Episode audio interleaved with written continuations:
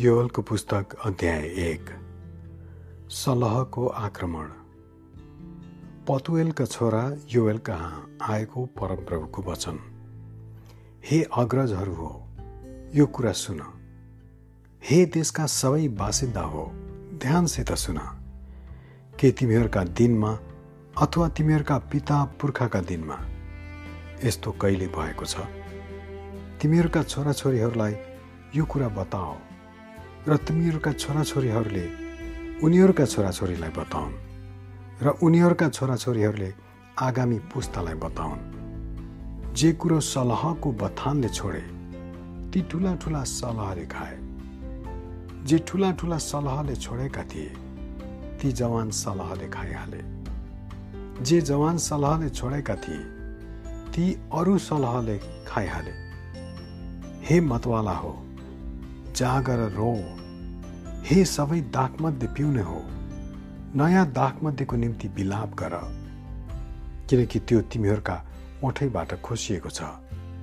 अनगिन्ती सङ्ख्या भएको एउटा शक्तिशाली जातिले मेरो देशलाई आक्रमण गरेको छ। त्यसका दाँतहरू सिंहका दाँतहरू जस्तै छन् र त्यसका दारा सिंहनीका जस्तै छन्। त्यसले मेरा दागका बोटहरू उजाड पारिदिएको छ। र मेरा नेभाराका बोटहरू सखापै गरिदिएको छ।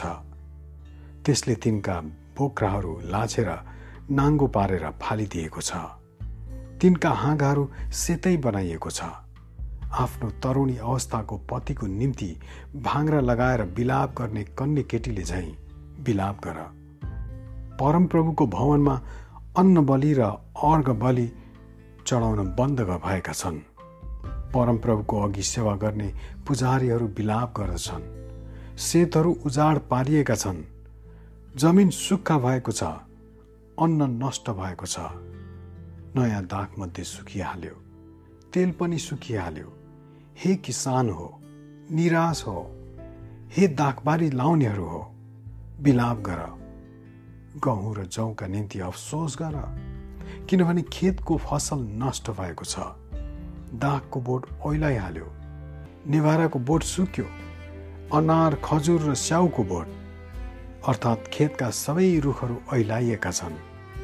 निश्चय नै मानिस जातिका सन्तानको आनन्द सुकिसकेको छ। पश्चातापको आह्वान। हे पुजारीहरू हो भाङ्रा लाएर शोक गर। हे वेदीका सेवक हो बिलाप गर। हे मेरा परमेश्वरका सेवक हो भाङ्रा लाएर रात बिताओ। किनकि तिमीहरूका परमेश्वरको भवनमा अन्न बलि र अर्ध बलि रोकिएका छन्। पवित्र उपवासको घोषणा गर। पवित्र सभा बोलाओ। परमप्रभु तिमीहरूका परमेश्वरको भवनमा देशका सारा बासिन्दाहरू र धर्मगुरुहरू भेला गराएर परमप्रभुको पुकारा गर। हाय त्यो दिन। किनकि परमप्रभुको दिन नजिकै छ। त्यो त सर्वशक्तिमानको तर्फबाट सर्वनाश जस्तै आउनेछ। खानेकुरा के हाम्रा आँखाकै सामु नष्ट भएन र आनन्द र हर्ष परमेश्वरको भवनमा बन्द गरिएको छैन र बिउहरू माटोका डल्ला मुनि चाउरिए ढुकुटीहरू उजाड पारिए अन्नका भण्डारहरू नष्ट भए किनकि अन्न सुकिगएको छ। पशुहरूको बगाल कसरी बिलाप गर्छन्? गाई गोरुका बथानहरू विचलित भएका छन् किनकि तिनीहरूका निम्ति खर्क छैन। भेडाका बगाल पनि कष्टमा परेका छन्। हे परम प्रभु म तपाईँका पुकारा गर्दछु किनकि खुला खर्कहरू आगोले भस्म पारेको छ र आगोका ज्यादाले वनका रुखहरू जलाइदिएको छ। वनका पशुहरूले पनि तपाईँका दुहाई गर्छन्। किनभने पानीका खोलाहरू सुकि गए र आगोले वनका खर्कलाई भस्म पारेको छ। आमेन।